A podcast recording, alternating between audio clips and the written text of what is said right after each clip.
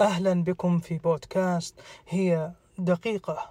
معي أنا أحمد الذبياني وتنسيق عبد الرحمن خالد.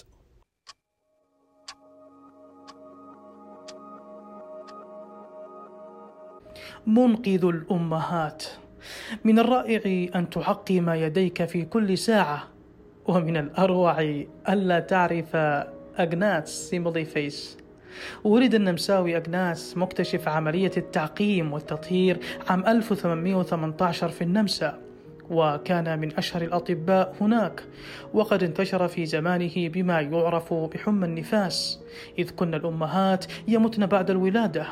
وانتبه أجناس أن عملية التعقيم التي تسبق الولادة تقلل من احتمالية موتهن وبعد نجاح ذلك أطلق عليه بمنقذ الأمهات. وقد طور بعده العالم الفرنسي لويس باستر هذه الفكرة. والعجيب ورغم نجاح فكرته في البداية إلا وأن الأطباء في تلك الفترة لم يتقبلوها وذلك لأنه لم يستطع أن يقدم تفسيرات علمية كافية لذلك. والأعجب من ذلك أنه أودع في مصحة عقلية في أواخر حياته وكأن ذلك قدر العباقرة. محبتي.